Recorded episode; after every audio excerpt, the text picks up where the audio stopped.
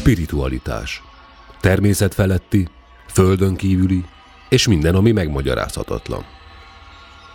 Paranormálistól a spiritualitásig. Új időpontban. Minden kedden, este 8-tól. Csak itt, a Fákja Rádión. A mikrofonnál Miskolci László és Hajósi Péter. Az igazság ide lent van. Még jó, hogy van nálunk fákja. Együttműködő partnerünk a Hihetetlen magazin. Sok szeretettel köszöntök mindenkit, én Miskolci László vagyok, és itt van velem bár a távolból Hajósi Péter műsorvezető barátom is. Szia Peti! Szevasz Laci, köszöntöm a kedves hallgatókat is, sziasztok! Az a helyzet, hogy Peti különböző okok miatt nem tud itt lenni, de szerencsére telefonon keresztül megoldottuk a dolgot, úgyhogy most őt így hallgathatjátok. Múlt héten sajnos elmaradt az adásunk, most azonban ez elengedhetetlen lett volna, úgyhogy ez a első adásunk ebben az évben. Ezúttal is utólag kívánunk boldog új évet mindenkinek, és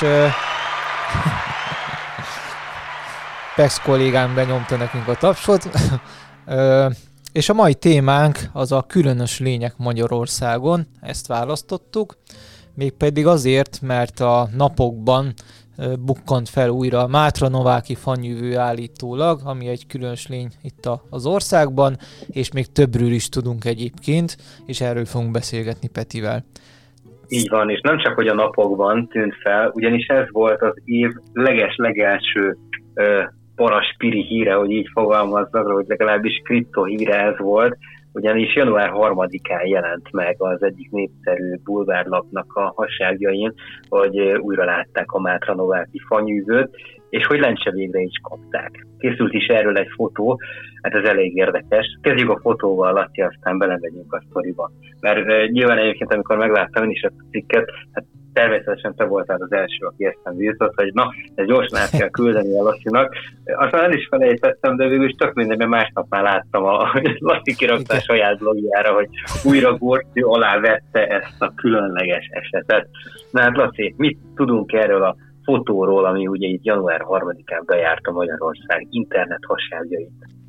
Hát igen, ez egy fekete-fehér fotó, vagy éppen éjszaka készült fotó, arról van szó, hogy állítólag egy tudós srác a barátjával együtt különböző méréseket végeztek Mátra Novák közelében, ugyanis van ott egy riolit tufa képződmény, és amikor ezeket a, adatokat rögzítették, akkor észrevettek egyfajta motoszkálást a, a háttérből, nem messze tőlük, és amikor oda néztek, azt látták, hogy ott van egy ilyen furcsa teremtmény, hát a beszámoló szerint állítólag először egyfajta kutyának vélték, ami hirtelen két lábra áll, de végül azt látták, hogy ez a különös lény nagyon gyorsan eliszkol.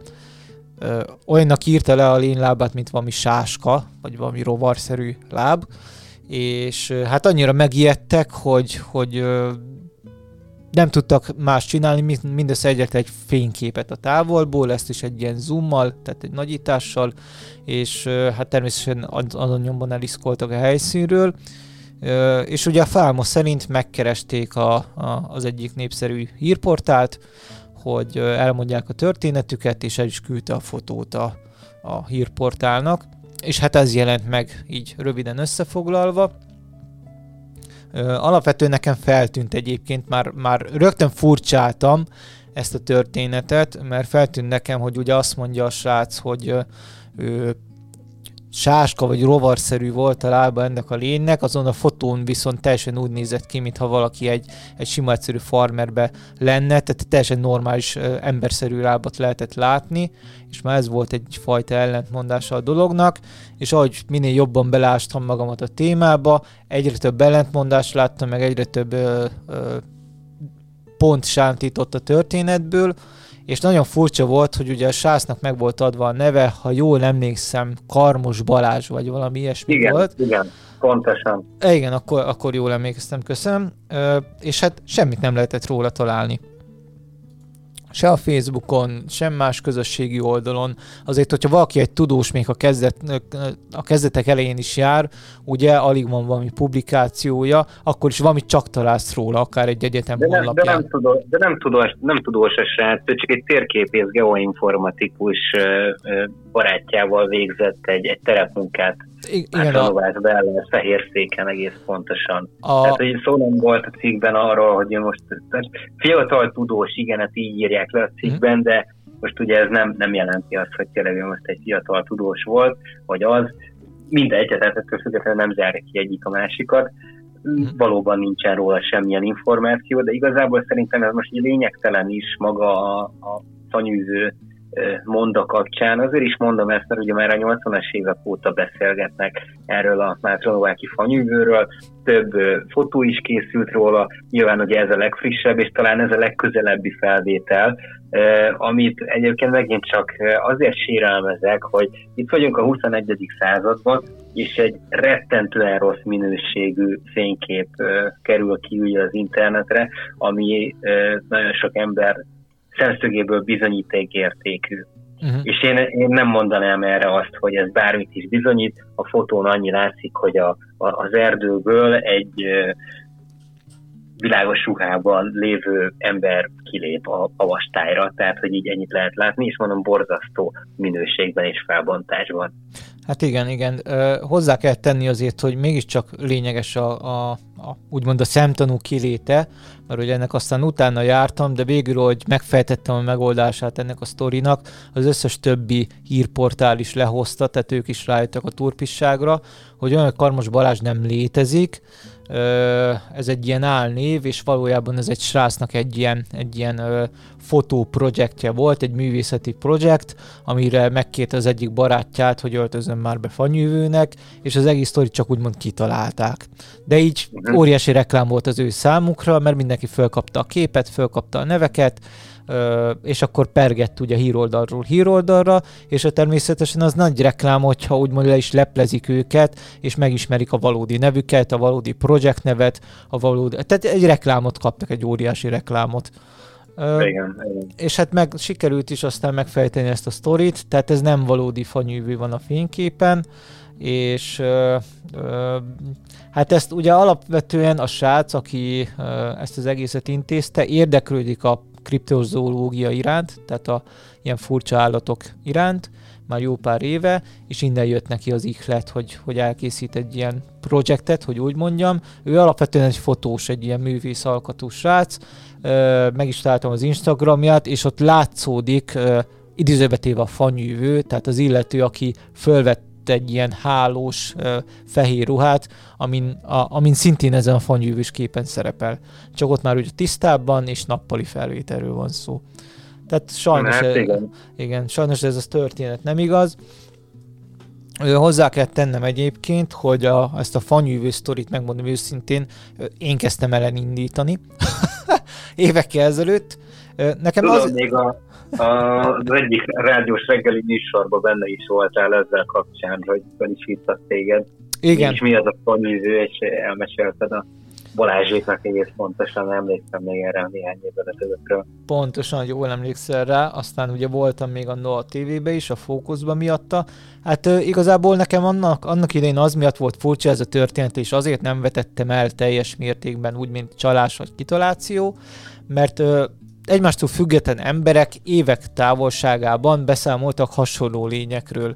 Tehát én legalábbis legelőször középiskolában hallottam ezt a sztorit, hogy Mátonovák környékén láttak egy furcsa embert, akinek a karjai a térdig érnek.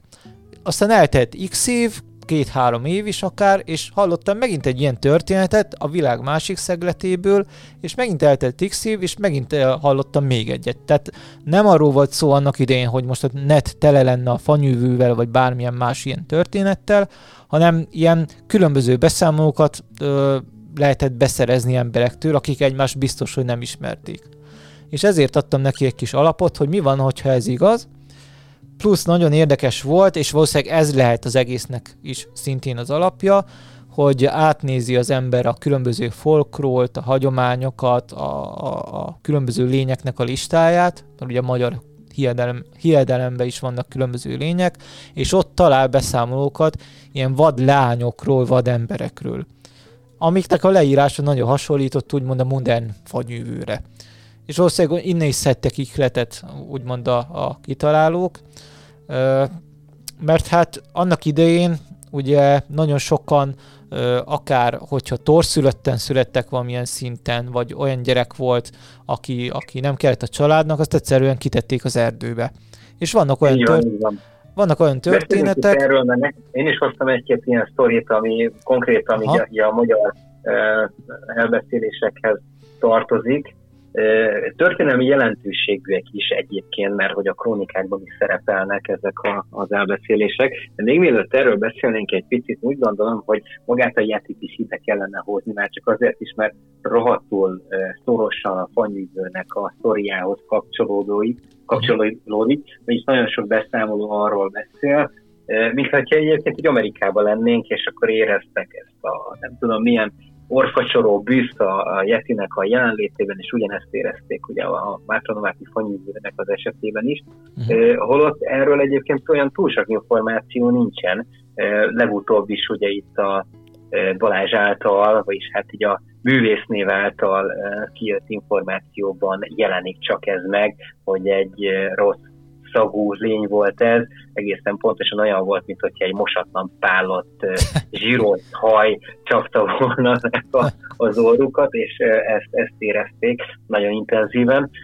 Aztán, amikor eltűnt a szemük sorkából ez a lény, akkor ugye a szag is megszűnt. Uh-huh, uh-huh. És ez egyébként milyen érdekes, tehát nem tudom, hogy egy ilyen jelenésnek mennyire van köze ugye a, a szagláshoz, vagy egyáltalán egy ilyen esethez, de hogy érdekes, hogy a, a Yeti jelenések is nagyjából hasonló körülmények között vannak leírva, ugye Amerikában. Mit gondolsz erről, hogy van valamilyen különbség, illetve egyezőség a két sztori között?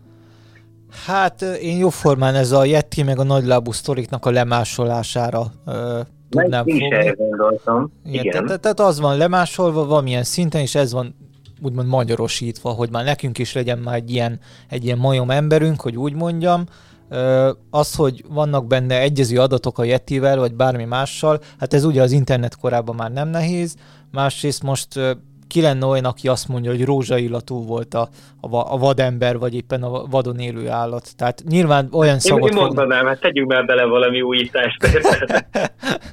persze, persze. Tehát, persze tehát, tehát azért mondom, hogy igen, vannak egyezések, tehát ebben maximálisan egyetértek veled. Vannak egyezések Szerintem valóság alapja van egyébként a sztorinak?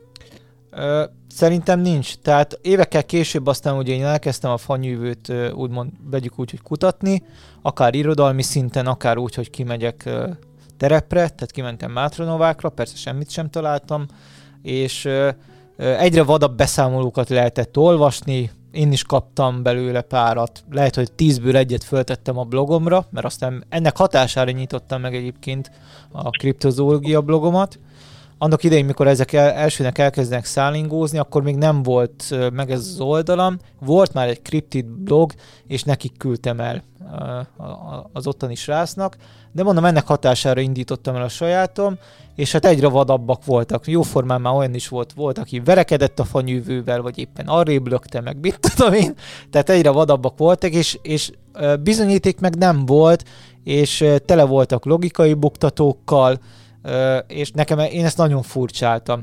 És végül ugye, ahogy említetted, a médiával együtt mentem le Mátranovákra, mert elhívtak interjúra, és ott szépen lassan kiderült, hogy a sztorik alapjához tartozik az ottani fafaragó bácsi, aki járja az erdőket, ugye, mert hát fába foglalkozik, és ő nagyon-nagyon ilyen csapzott hajú, nagyon ilyen erős arcszőrzete volt, és nagyon gönnyetten is járt, hogy leér a lába a térdig. És hát nyilván azért nehéz ezt összekeverni egy majomemberrel, de hát ugye ez keveredett különböző világháborús legendákkal, amik ugye szájhagyomány útján fönnmaradtak, hogy a háború idején nagyon sok ember az erdőbe menekült, ott éltek különböző növényeken meg bogyókon, és hát nyilván, hogyha nem tudtak tisztálkodni, nem tudtak borotválkozni, akkor előbb-utóbb ugye hát kialakul egyfajta, most mondjuk így fanyűvős alkat, vagy fanyűvős külső, és hát ez keveredett össze a Gyula bácsi legendájával, mert hogy így hívták a fafaragót, szegény már pár éve elhunyt. Tehát nagyon sok minden összemixelődött. Erre rakódott rá aztán ugye a, a, a különböző csalások, vagy éppen a felturbózott történetek. De mondom, én azért hittem ezt valamilyen szinte ezt a sztorit, bár ugye hol tudna egy ilyen populáció élni Magyarországon, az eléggé kérdéses, hogy, hogy tényleg a magyar folklórban voltak ilyenek. Tehát voltak, úgy, mint ahogy külföldön, ugye van a legendákból Romulus és Rémus, kitették őket, és akkor ugye a farkas nevelte föl. Itt is voltak olyan legendák, hogy kitették a, a gyerekeket, és ugye állatok nevelhették fel őket, vagy valahogy túlélték a vadonban. Ez tény, mert ilyen nagyon sok eset van külföldön is, és van Magyarországon is. Nem tudom, hogy te ennek megtaláltad a nyomát, és ezt igen, akarod igen, említeni. Igen, igen. És, Igen, ez szóval szerint... van így az esete, de mondja tovább, és akkor majd elmesélem, mm. hogy... És semmi, hát itt, itt akartam lezárni, hogy lényegében aztán kiderült, hogy ezek mixelődtek össze, és abban a pillanatban érdekes módon hirtelen abban maradtak a fanyűvészések, senkitől nem kaptam semmilyen ilyen levelet, információt, addigben mindig tódultak. Tehát egy ilyen túlzás azt mondod, hogy tömeghisztéria, de azért látszott, hogy, hogy a, ezeknek a nagy része kitaláció, és talán egy-kettő lehetett olyan, ami valódi, de arra se azt mondanám, hogy egy majomembert láttak. Tehát én erre nem nagyon látok esélyt. Már megtaláltuk volna szerintem, tehát azért ez nem egy, ez nem egy ilyen ö, dzsungel, vagy nem egy olyan amerikai es, erdő, ami, ahol a Yeti vagy éppen a nagyláb megbújik. Tehát én erre nem látok esélyt, hogy ez egy valódi sztori lenne. Kicsit sajnáltam is, mert én, én kezdtem el behozni ezt a köztudatba, de hát ez van. Én, én utána le is írtam, leírtam a blogomba is, hogy ennek nincsen sajnos alapja, megvannak a bizonyítékok, hogy mi állhat a háttérben, folklór, emberi, meg, meg szájhagyomány összemixelése és kész. Persze kaptam egyébként egy-kettő levelet, ahol felháborodtak, hogy hát már pedig ők nem ezt látták. Ennyi. Tehát hát, ezt is azért elmondom. nem, nem kell mindig mindennel vitatkozni, meg ez itt az élő példa, megint csak Laci, nem kell sírva fakadni, lesz más vélemény úgy is mindig, Persze. ami nem baj, mert legalább van miről beszélgetni. Na, menjünk tovább, ugye itt említettük a e, vadonban felnőtt egyedeket, nevezzük így őket.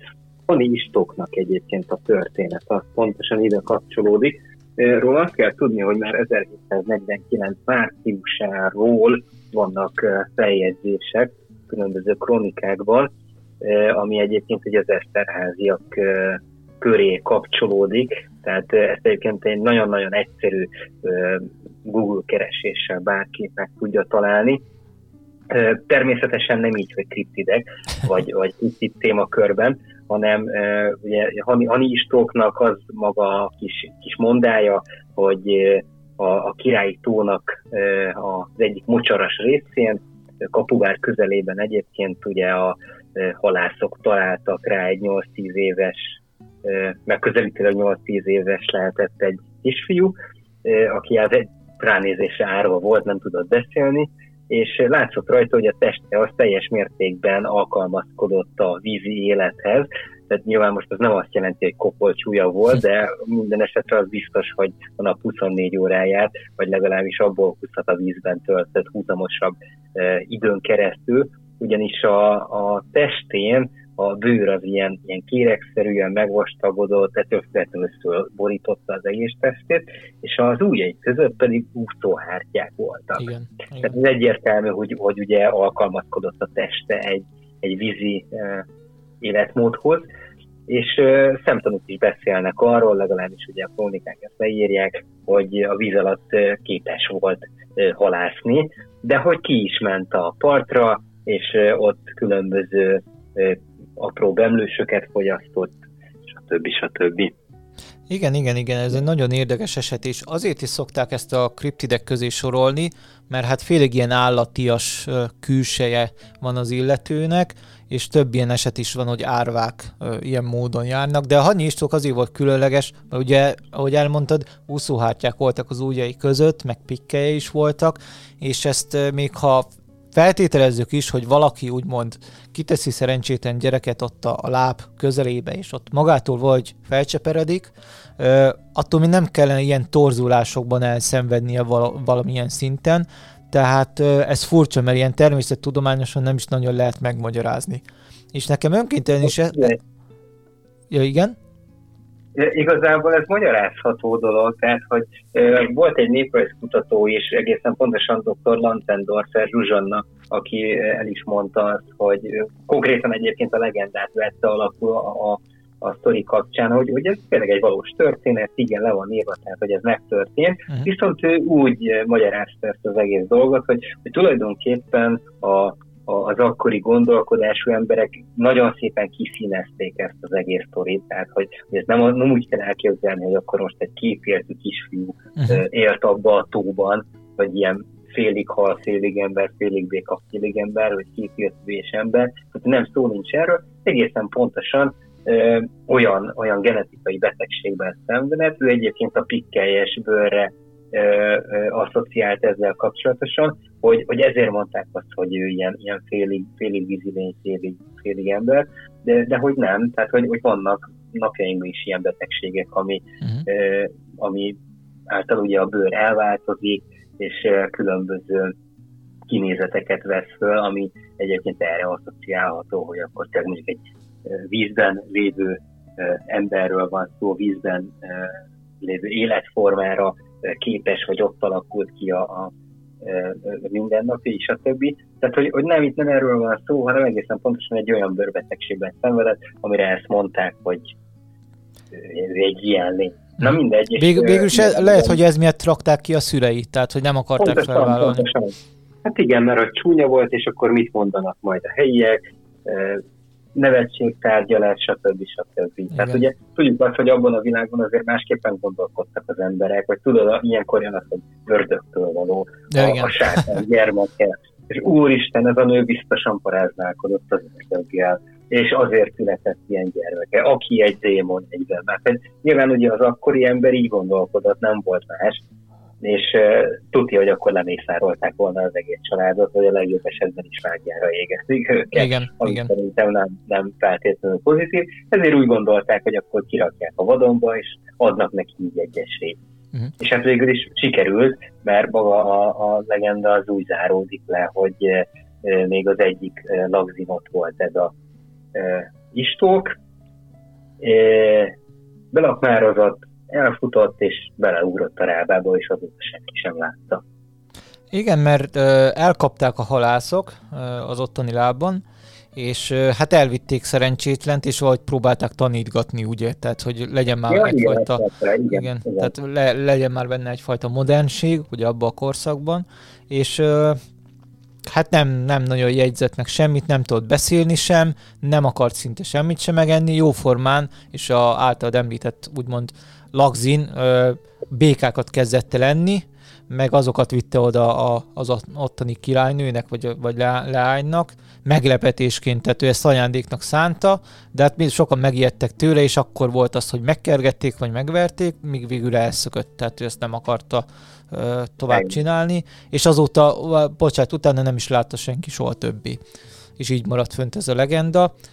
Hozzá kell tennem egyébként, hogy az az érdekessége még ennek a történetnek, hogy ugye amikor vadonba tesznek ki gyerekeket, persze arra is van esély, hogy nem élik túl, de mint az élet mutatja, túl élik. Tehát akár állatok nevelik föl, akár valamilyen módon oda kúsznak egy olyan bokorhoz, ami táplálékot nyújt nekik, gyümölcsök, vagy éppen bármilyen más formában, és vagy túlélik a viszontagságokat.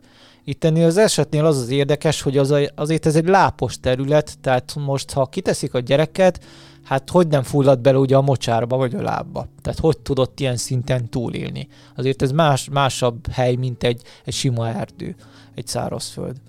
Tehát ez egy nagyon igen, érdekes sztori, és ezt se, soha senki nem tudta megmagyarázni. Igen, de hogy ez, ez benne az érdekes, hogy a krónikák jegyzik ezt a történetet, tehát hogy, hogy volt egy ilyen eset, Oké, okay, hogy a mostani tudományágazatok elmennek különböző irányokba, tehát akár itt tényleg valaki azt mondja, itt egy, egy élő kriptidről beszélünk, de hát ugye itt volt a néprajzkutató is, aki nagyon szépen elmondta azt, hogy az ő meglátása szerint szó sincs erről, hanem ugye amit említettem is, hogy egy genetikai rendellenességről van szó, minek következtében kirakták a vodonba a gyereket. Egyébként én is erre tudnék hajazni, ettől függetlenül nyilván ezt meg ugyanúgy leírhatták a saját szavaikkal, eh, ahogyan azt ők, ők meglátták. Na mindegy, szerintem Istokról ennyi, mert uh-huh. nagyon többet nem érdemes róla beszélni. Ide azért még beszúrnék valamit, ami, ami szerintem téged is érdekelhet. Eh, biztosan ugye a sumérek miatt eszedbe jut uh, Owennésznak a története, aki szinte egy ilyen félig pikkes, félig emberszerű lény, aki ugye kiemelkedett a, a, a tengerből, és ő tanította az embereket, tehát egyfajta istenségnek képzelték. Ez csak azért nem mondom, csak hogy, hogy ugye a múltban ott volt nagyon sok számos népnél ilyen hasonló figura, ami félig pikkes, félig emberszerű lény, és ezt teljesen ugyanúgy írták le, mint későbbiekben Istókot, tehát hogy ez egy valós figura. Így van, így van, így van, így van. Visszatérve a sumérekhez, hogyha már ezt így bedobtad, eh, ezek a vízből kijövő eh, lények, akik ugye tanították a, az akkori embereket, dagonoknak nevezték őket. Milyen érdekes egyébként, hogy eh, a, az új típusú horror is elkanyarodott ebbe az irányba, és például Lovecraftnak volt több olyan műve is, ami feldolgozta ezeket a, a dolgokat. Volt egy ilyen film is egyébként, Dagon pont ez a cím, és pontosan erről szól, hogy uh-huh. igazából egy, egy bűneset által a, a városnak a lakói, vagy falunak a lakói átváltoznak tengeri lényekké. Tehát elég beteg, de érdemes megnézni. Érdekes, ezt még nem, lát, ezt még nem láttam. majd megnéz, me, megnézem a Sharknado után majd szerintem. Jó, ne durvulj, ne durvulj. Közben beírt... Időközben beköszönt hozzánk, azt látom itt a igen, igen, igen. Egyre gondoltunk, mert pont most ja. akartam mondani, hogy beköszönt Boom nekünk. Sziasztok, boldog új évet!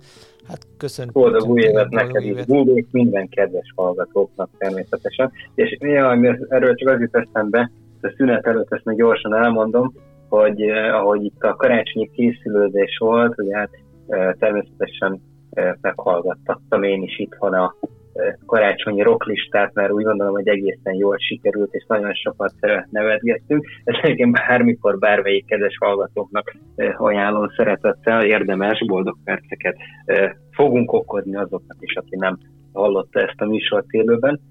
De minden azt akartam ebből kérdezni, hogy azt is megjegyeztük azt, hogy, nekünk nem csak kedves hallgatóink vannak, hanem néha vannak kedvetlen hallgatóink is. Azért csináljuk ezeket a műsorokat, hogy aztán ne legyenek annyira kedvetlen.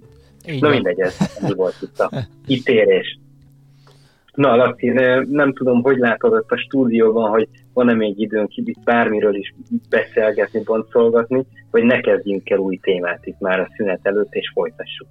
Hát mondanék még egy kriptidet, ami így beleillik a dologba, és erről úgyis kevés infó van, utána pedig elmegyünk egy színetre. Ezt is a folklórban, meg a hagyományokban találtam meg, hogy annak idején, mikor voltak különböző bányarobbantások, vagy éppen kisebb földrengések, akkor a föld alatt olyan kígyókat találtak, amik sípoltak. Ezt, ezt el is nevezték sípoló kígyónak, és ez egy hosszúkás kígyó volt, és nagyon furcsa. Milyen érdekes. Igen, ez egy, tehát, mert, mert vannak, ezt csak azért mondom, hogy vannak rövid kígyók is a kriptidek között, aminek vannak esetleg lábai is. Tehát volt, volt olyan, hogy lábat írtak le hozzá, de csak kettőt. És nagyon furcsa de volt a nyelv. ilyen baziliszkusz, vagy valami hasonló. Igen, ezt nem? akarom majd belül kihozni, hogy van egy hasonló lény, amit leírnak az Alpok hegyei között, aminek a neve, neve az, hogy Tatzelwurm, vagy Tatzelwurm, tehát mint valami féreg, és ezt egy jó ideje nem látták, tehát azt hiszem, hogy ut- utolsó időszak az olyan 1930-as évek, és azt gyanították, hogy lehet ez egy valódi állat volt, de már a kihalt. És annak idején a Magyarországon is észlelték, és ez nagyon-nagyon hasonló, hogy úgy mondjam, ez a sípoló kígyó, bár hozzá kell tennem, hogy ez a Tatzel worm az, az, az nem sípolt, tehát valamilyen szinten mégiscsak másfajta állatnak kell lennie.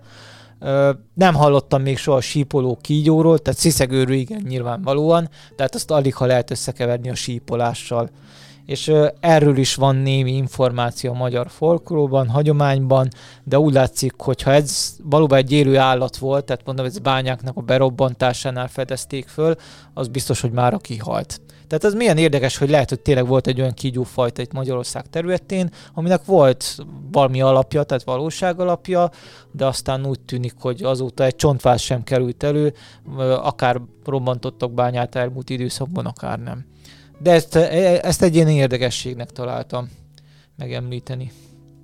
Jó, Laci, köszönjük szépen. Én azt mondom, hogy szüneteljünk együtt, és folytassuk innen a mai témánkat, mert hogy még van egy-két olyan kriptid, aminek konkrétan magyarországi eh, történetei vannak, úgyhogy érdemes lesz még erről beszélgetni. Mindjárt jövünk.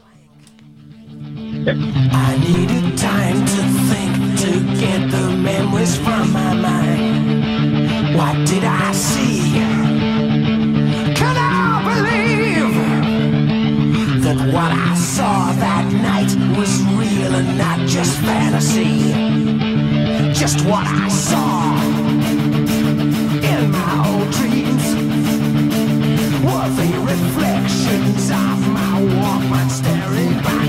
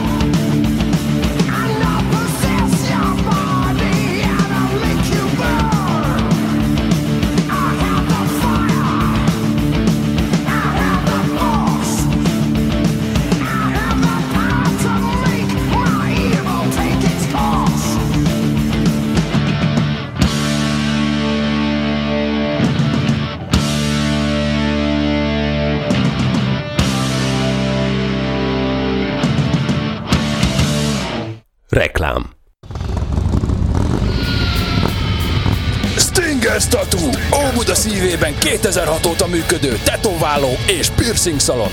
Minőségi színvonalú tetoválások, piercingek, remek hangulat és remek szolgáltatások. Mindez egy igényes környezetben és közösségben. Az életre szóló élmény itt kezdődik. Stinger Tattoo. Stinger Tattoo. Stinger Tattoo. Stinger Tattoo. Megjelent Miskolci László könyve, a magyar UFO akták. Magyarországon először kerülnek nyilvánosságra a titkosítás alól feloldott dokumentumok. A könyvben elolvashatjuk a teljes magyar UFO történelmet és a Honvédség UFO észleléseit is. Kapható az Angyali Menedék kiadónál, a Magyar Menedékkönyves házban. Sziasztok! Hajósi Péter vagyok. Ha téged is érdekelnek a földön kívüliekkel kapcsolatos konspirációs teóriák, történelmi tényekkel alátámasztva, és még mindig arra keresed a választ, hogy kik hozták létre az emberiséget, akkor nagy szeretettel ajánlom neked Teremtett Valóság című könyvemet, amely valóban egy regénybe zárt valóság, amelyben 15 évnyi kutatómunkám eredménye szerepel. Küldj egy e-mailt a petyakukacfákjaradio.hu e-mail címre, és rendeld meg most! Reklámot hallottunk. Spiritualitás. Természet feletti, földön kívüli, és minden, ami megmagyarázhatatlan. Paranormálistól a spiritualitásig. Új időpontban. Minden kedden, este 8-tól.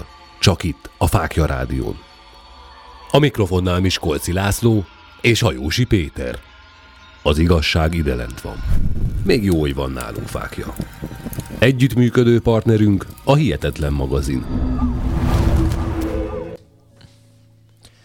Sziasztok, kedves hallgatók! Itt vagyunk újra Hajósi Petivel, és a magyarországi furcsa lényekről, kriptidekről beszéltünk. Ugye szóba került a Mátronováki fanyűvő, a Hani Istók, valamint a sípoló kígyó is, de hát még vannak egy páran, mert ugye sokan nem ismerik ezeket a lényeket, és közben a hallgatóknak szeretnénk mondani, hogyha gondoljátok, vagy ismertek ilyen különböző Magyarországon észlelt lényeket, akkor azt írjátok meg nekünk a chatfalra, lehet, hogy mi se ismerjük őket, vagy hogy egyáltalán hisztek-e ezeknek a létezésében, avagy sem. És hát Peti, nem tudom, milyen lényeket uh, szeretnél még megemlíteni, de nekem a farkas emberek jutottak most eszembe.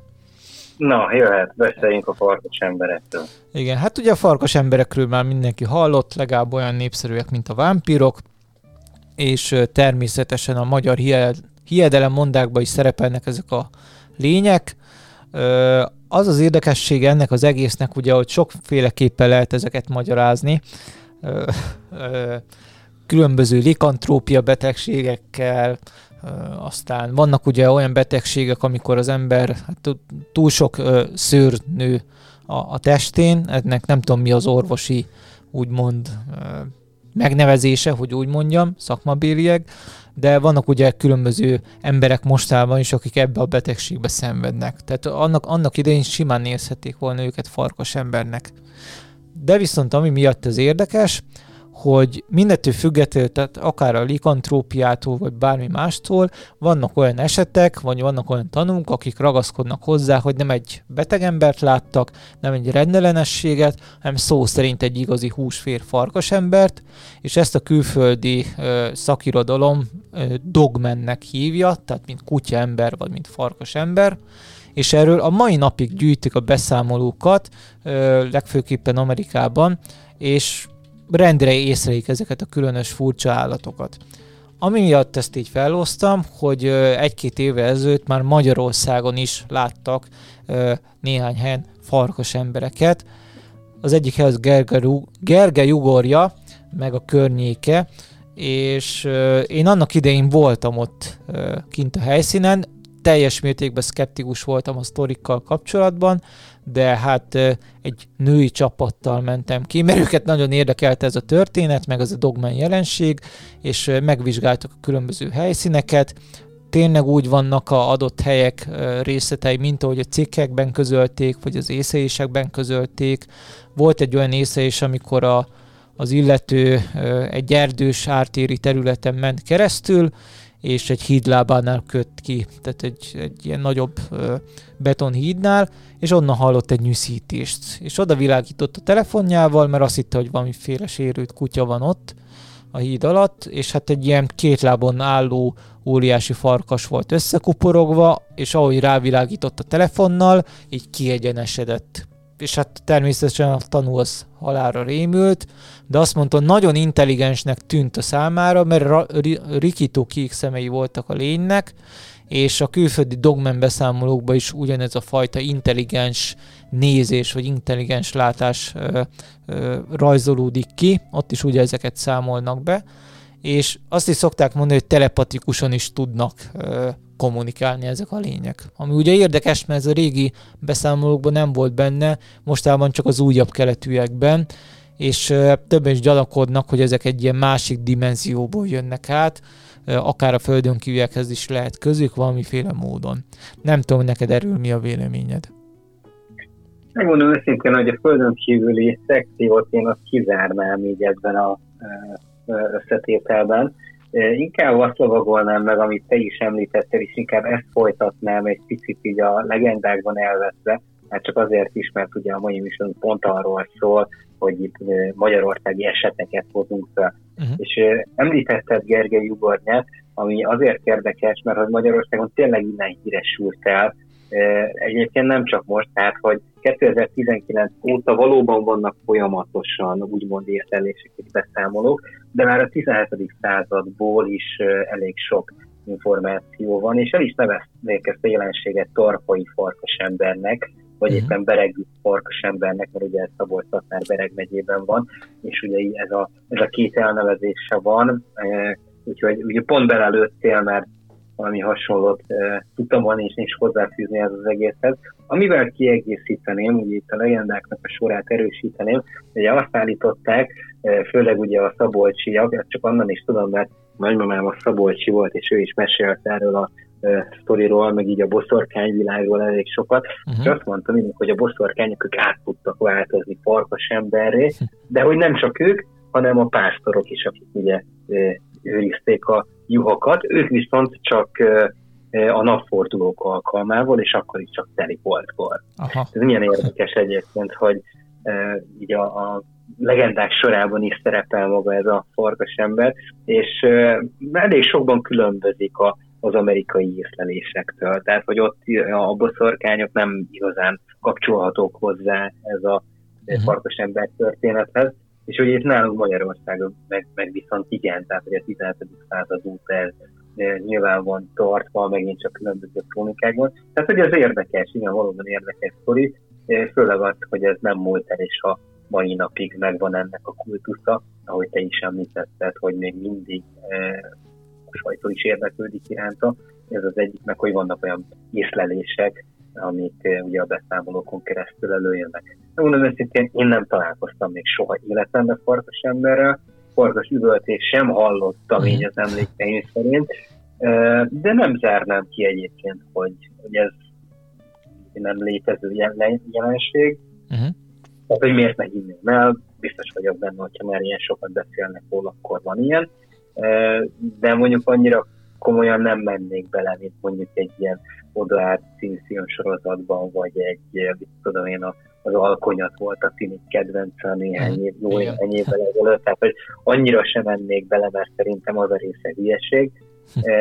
De hogyha már a, a mondavilágban ez, ez így benne van, akkor annak valamilyen valóság alapjának kell, hogy hogy legyen. Én legalábbis így gondolom. Hm. Érdekes egyébként, hogy erre a megyére korlátozódik, akár a régi észrelések, meg akár a modernek is. Tehát nem hogy miért pont oda. De egyébként, aki nem ismeri a tarpai farkas ember sztorit, annak azért mondjuk el így nagy vonalakban, hogy annak idején, ahogy te is említetted, Peti, ugye a, a juhászokat, a, a nyájatőrzőket vérték sokszor farkas embernek, mert ugye éjszaka ők dolgoztak és ennek a sztorinak az az alapja, hogy az egyik asszonyt megtámadott egy farkas ember, akit végül sikerült valahogy elüldöznie, tehát túlélte a támadást, és utána ment a férjéhez, aki egy pásztor volt, egy juhász, és látta, hogy a férje szájában ott van az ő, ő szoknyájának egy darabja, amit valójában a farkas ember tépett ki a támadás során, tehát ebből jött az, hogy a farkas ember az valójában a saját férje, és hát ö, ö, egy óriási kővel sújtott le a fejére, mert épp, ő éppen aludt, tehát délben ment hozzá, hogy vigye az ebédet, és hát a saját férjét ölte meg. És hát elúságolta az egész sztorit a falubérieknek, végül eltemették, és hát ugye a legendó úgy maradt fönt még részben, hogy mindig aki arra jár, kötelező jelleggel, úgymond rá kell tenni a sírra egy követ, mert hogyha nem teszi, akkor a farkas ember lelke, szelleme üldözni fogja a kirándulás során. Hát, na, ezt jó tudni. Ha legközelebb megyünk valaki kirándulni, akkor egy raktó kavicsal készülök. Ne legyen ilyen hát, hát figyelj, én tíz, tíz darab kis szürkével előbb találkoznék, mint egy farkas emberre, mert nekem sokkal rémisztő, megmondom őszintén. Tehát Ez az. Én, én gyerekként halálosan féltem az ilyen farkas ember horrorfilmektől, tehát rettegtem tőlük egyszerűen, nem, nem tudom. Nem mindig félelmet gerjesztett. Búb közben beírta ja, nekünk... Hát igen, igen. Búb közben beírta nekünk, hogy mit gondoltak a mumus és a vasorú bában, mennyire mese. Lehet ezeknek alapja, vagy csak gyerekes történetek és gyerekek ijesztésére szolgálnak? Mit szólsz, Peti? Az, azért nevetek most egyébként, mert hogy a párommal nem olyan régen néztük meg itt a gyengelkedés során a Harry Potternek a, pontosan azt a részét, amiben ugye a mumus is szerepel, ráadásul a, a kisebbik gyermekemet mindig a mússal szoktam én is nevelni, hogyha valamit nem nem akar megcsinálni, vagy rosszalkodik, akkor egyből szólok a mumusnak, és akkor hirtelen, hirtelen rend van egyből, meg mindig meg van csinálva az, amit kérek. Tehát, hogy a mumus az létezik, innen ezt tudom, ez, ez már biztos.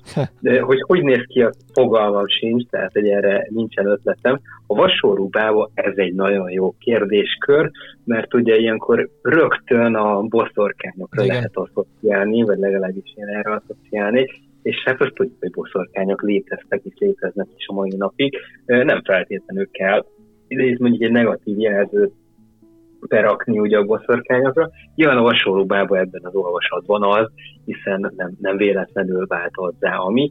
Én azt gondolom, hogy valamilyen különleges képességgel megáldott ember volt, aki túlment ezen a, ezen a helyzeten, és mm gonoszszá vált, fogalmazunk úgy, önös érdekekből. Hát, hogy ezt így el tudom képzelni, hogy akkor a vasorú bábának ez lehet a története. Egyébként szerintem is van némi alapja, mert ugye ez is benne volt a kérdés, hogy van-e alapja egyáltalán. Szerintem van, van, van, mert ugye ott van a boszorkányok, meg ugye a bába asszonyoktól nagyon sok ideig tartottak, tehát már, már ötvözték őket a boszorkányokkal, tehát hogy a kettő egy is ugyanaz, meg a bábák azok ilyen titokzatosak voltak, hogy a, akár az élet fölött is rendelkeznek, mert ugye a szülésnél mindig ők segítkeztek. De, és... Nem is az, azért voltak különlegesek mindig, mert ugye ők birtokában voltak a a, a, a füveknek a tudományának. Igen, ezt, igen, ezt akartam mondani. Igen. Hogy, hogy, hogy melyik növény mire való, és akkor azt alkalmazták a, a népgyógyászatban, és ezt, ezt orvosságként adták kezelésként, kúránként különböző embereknek. Ugye nem konkrétan itt csak a világra hozásnak a segítségében voltak jelen, hanem ugye az emberek életében születéstől a halálig. Tehát ők egyébként egy kiemelkedő alakok voltak tulajdonképpen a, a folklórban, hogy azt kell mondjam. Sajnos ez, ez most már kiveszett, azért még találni ilyen füves asszonyokat, meg, meg füves bácsikat, de, de már nem ez a fajsúlyos, tehát hogy ez már inkább a múlt. Igen, igen. De hogy, hogy van, van valóság alapja, persze, tehát búbnak válaszként ezt tudom mondani. Én is, én is így vagyok vele. A mumussal meg annyi, hogy hát most ha van is valami alapja, szerintem itt nagyon sok minden keveredik, mert a mumust is különböző féleképpen írták le. Akár még van a különböző lidércfényekhez is közel, mert ugye éjszaka különböző lidércfények a mocsarak temetők közelében felfelfénylettek, és hát sokan ugye szellemeknek vélték, és ebből lett aztán a mumus is valamilyen úton, módon, és ugye ez is tökéletes ijeszgetésre alkalmas lény volt, hogy úgy mondjam. Tehát szerintem van alapja mind a kettőnek. Szerintem is, szerintem is. De beszéljünk még egy kicsit a magyarországi tricidekről. Uh, itt van például a badacsonyi görényember. Tudtam, hogy ezen nevetni fogsz. A badacsonyi görényember. Ha, hallgatom, mi, mi minden fontosat tudsz róla? Eh, eszembe jutott egyébként itt eh, kedves kollégáknak Pexnek az orfejezése. Biztos vagyok, hogy neki a patkányember jutott eszébe. Bólogat, hogy igen, úgyhogy... Na, hát ennyi. Látom magam előtt. És most már hiányzik a... Hát hiányoztak napjuk maga ez a stúdiós légkör, most már remélem, hogy jövő héten csatlakozhatok hozzátok. Na, visszatérve a badacsonyi görény emberhez. Tehát azt, azt tudjuk róla, hogy kicsit egyébként ez a Máprai fanyidőhöz kapcsolódik, már csak azért is, mert kísértetiesen hasonlít a beszámoló. Ugye azt, azt kell róla tudni, hogy egy ilyen görnyetten járó lényről van szó, aki nyögéses, hasonlatos hangokat ad ki magából, emberszerű alak egyébként, ugyanúgy, mint a fanyűvő, csak kicsit ilyen farkashoz, rókához, görényhez szokták hasonlítani, vagyis hát akik egyébként így találkoztak vele, vagy látták már. Egyébként így azt mondják a, a beszámoló. De hát szerintem ezek olyan beszámolók, hogy tudod, a, a barátom barátjának a barátja mesélte, hogy de ez valahogy így elképzelni. De mindegy, ők mondják azt, hogy amikor négy, négy kézlábra ereszkedik ez a bizonyos lény, akkor ez, ez az úgynevezett támadó púz, amit felvesz, és hogyha ezt felveszi, akkor már probléma van, és ott már futni sincs időnk, ugyanis egy bizonyos mérgező anyagot spriccel ki magából, és szétmarcangolja az előtte állót. Durva. Bár igen, igen milyen érdekes, hogy mondjuk olyan sok turista ilyen esetről nem számolt be, de hogy egy-két vadász mesélt erről a badacsonyi görény emberről, aki mondjuk látta ezt, hogy a négykézlábra ö, ö, ereszkedett, tényleg valamit spriccelt magából, csak hogy előtte éppen mondjuk egy szarvas vagy egy őz volt, ö, akit így terített le, aztán kiszívta a vérét. Ö, és egyébként ennek is egy ilyen nagyon orfacsaró ö, bűze van, mint a fanyűzőnek, vagy éppen a Yetinek. Tehát, hogy ennyit tudunk a badacsonyi görény emberről, amúgy semmilyen fotó nincsen róla, csak ez az egy-két elbeszélés, de úgy gondoltam, hogy mindenképpen érdemes volna beszélni. Ennek tudom is a megoldását, Peti, egyébként, úgyhogy jó is, hogy felemlítetted. Hát én most kimondom az oldal nevét, tehát nem egy nagy cucc, gyakori kérdések oldalon, ha egy ilyen paranormál topik ott, és ott szoktak különböző kérdéseket föltenni, és mikor volt ez a nagy Mátronováki fanyűvő láz, akkor ugye elkezdtek a fanyűvőről kérdezgetni. És hát az oldal az természetesen tele van trollal, és elkezdték széttrollkodni a témát, és ők találták ki a badacsonyi görényembert, és már odáig ment ez az egész trollkodás, hogy, hogy elkezdtek különböző lényneveket kitalálni, és ott jött ez a emberes dolog is, de a kedvencem nekem a balatoni fekveálló volt, tehát az... de az, az, az a durva, hogy a ember az tényleg létezik. igen, igen. Csak ott már annyiféle kombinációt összeírtak, hogy már sírtam a rögéstől, és ott született a badacsonyi görényember is. Elhiszem, elhiszem. Na, de egyébként ez mennyire durva már tényleg, hogy tényleg vannak normális emberek, akiket érdekel a téma, tényleg foglalkozik teljes tényleg bedobással a kriptozológiával, és akkor jön egy bandériumnyi troll, és elhiteti vele, hogy a badacsonyi görényember létezik. Hát igen, igen, igen. Mert volt, aki komolyan vette. Búb közben beírta nekünk, hát kicsit a szopó fantom igen van a dolognak, de hát... ja, igen, a kőbenyai. Igen. Na, de az is létezik, ezt is tudjuk. Hát Tehát, a, arról van hiteles felvétel, létezik, nem úgy, mint a görény emberről. igen. De hát a Balatonon is voltam, de a balatoni fekveállót soha nem láttam. Sajnos nem is tudom, hogy nézhet ki. Kicsit komolyra fordítva a szót itt az adás vége felé, van még viszont egy-kettő olyan beszámoló, ami, ami tényleg a hitelesség kategóriába sorolható. Egyetlen egyszer látták horgászok, hogy az egyik ilyen folyóban, tóban világító halak vannak, és ezt tudtommal, hogy ilyenek nem léteznek Magyarországon, világító halak, de fesztállították, hogy ők ilyeneket láttak. Sajnos nem tudták őket kifogni, és azóta se látták őket. Tehát ez egy olyan beszámoló, ami egyetlen egy észre ishez kapcsolódik. ezzel így nem tudunk mit kezdeni, de ez is, ha azt vesztük, a kriptidek közé sorolható. És ezt annól még a Hihetetlen magazin is lehozta, aminek egyébként nem régében jelent meg a, a legújabb 2022-es lapszáma, a januári szám. Ami még eszembe, ami még eszembe jutott, amit szó szerint ezért ki is vizsgáltam, annó egy, hát egy középkorú férfi jött oda hozzám egy UFO kongresszuson, ami, ami még te is előadást tartotta annak idején, Peti. Az egyik ilyen szünetben, két előadás között oda jött hozzám egy fickó, hogy ő Biatorbágyon él, és látott egy ismeretlen állatot, ami még gyerekkorában, amit a mai napig nem tudott megfejteni, hogy micsoda.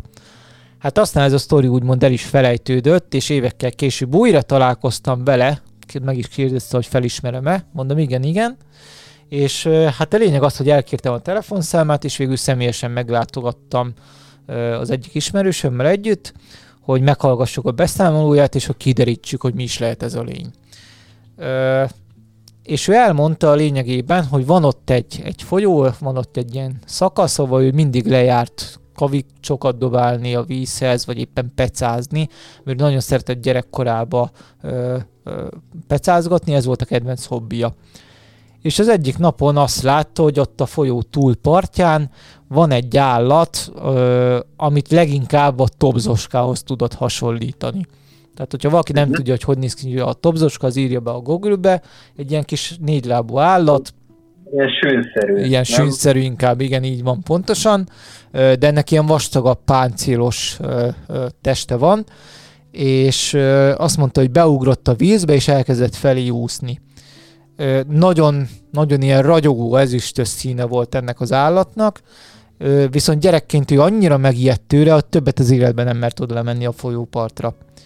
És évekkel később is, tehát annyira megragad benne ez az emlék, hogy évekkel később próbálta kideríteni, hogy mi lehet, és ugye látott Tobzoskáról felvételeket, különböző fényképeket, azt mondta, hogy csak hasonlított rá, de nem az volt, szinte biztos benne, hogy nem az volt. Le is rajzolta nekem az állatot, tényleg nagyon hasonlít, de nem találtam olyan tobzoskát, ami ezüstös szürke színű lenne vagy ezüstös színű lenne, tehát ami jóformán még csillog is már majdnem olyan szintű volt, Ö, és nem tudtam, mit évő legyek ezzel a sztorival, mert megnéztük a helyet, megnéztük még egyszer az állatokról a felvételeket, mondta tényleg, hogy hasonlít, de nem ez volt, most ezt hozzászámítom azt, hogy azért a memória torzít ennyi év távlatából, de hát azért már nem olyan szinte, hogy valaki egy barna állatot lát, és akkor utólag már csak úgy képzeli, hogy ragyogó, csillogó fényű volt. Tehát azért ez, ilyen szinten ez nem megy. De a lényeg az, hogy nincsen, nem létezik ilyen tobzoska, ráadásul Magyarországon sincsen sem a kisállatkereskedésekben, sem pedig a, a, az állatkertekben sem.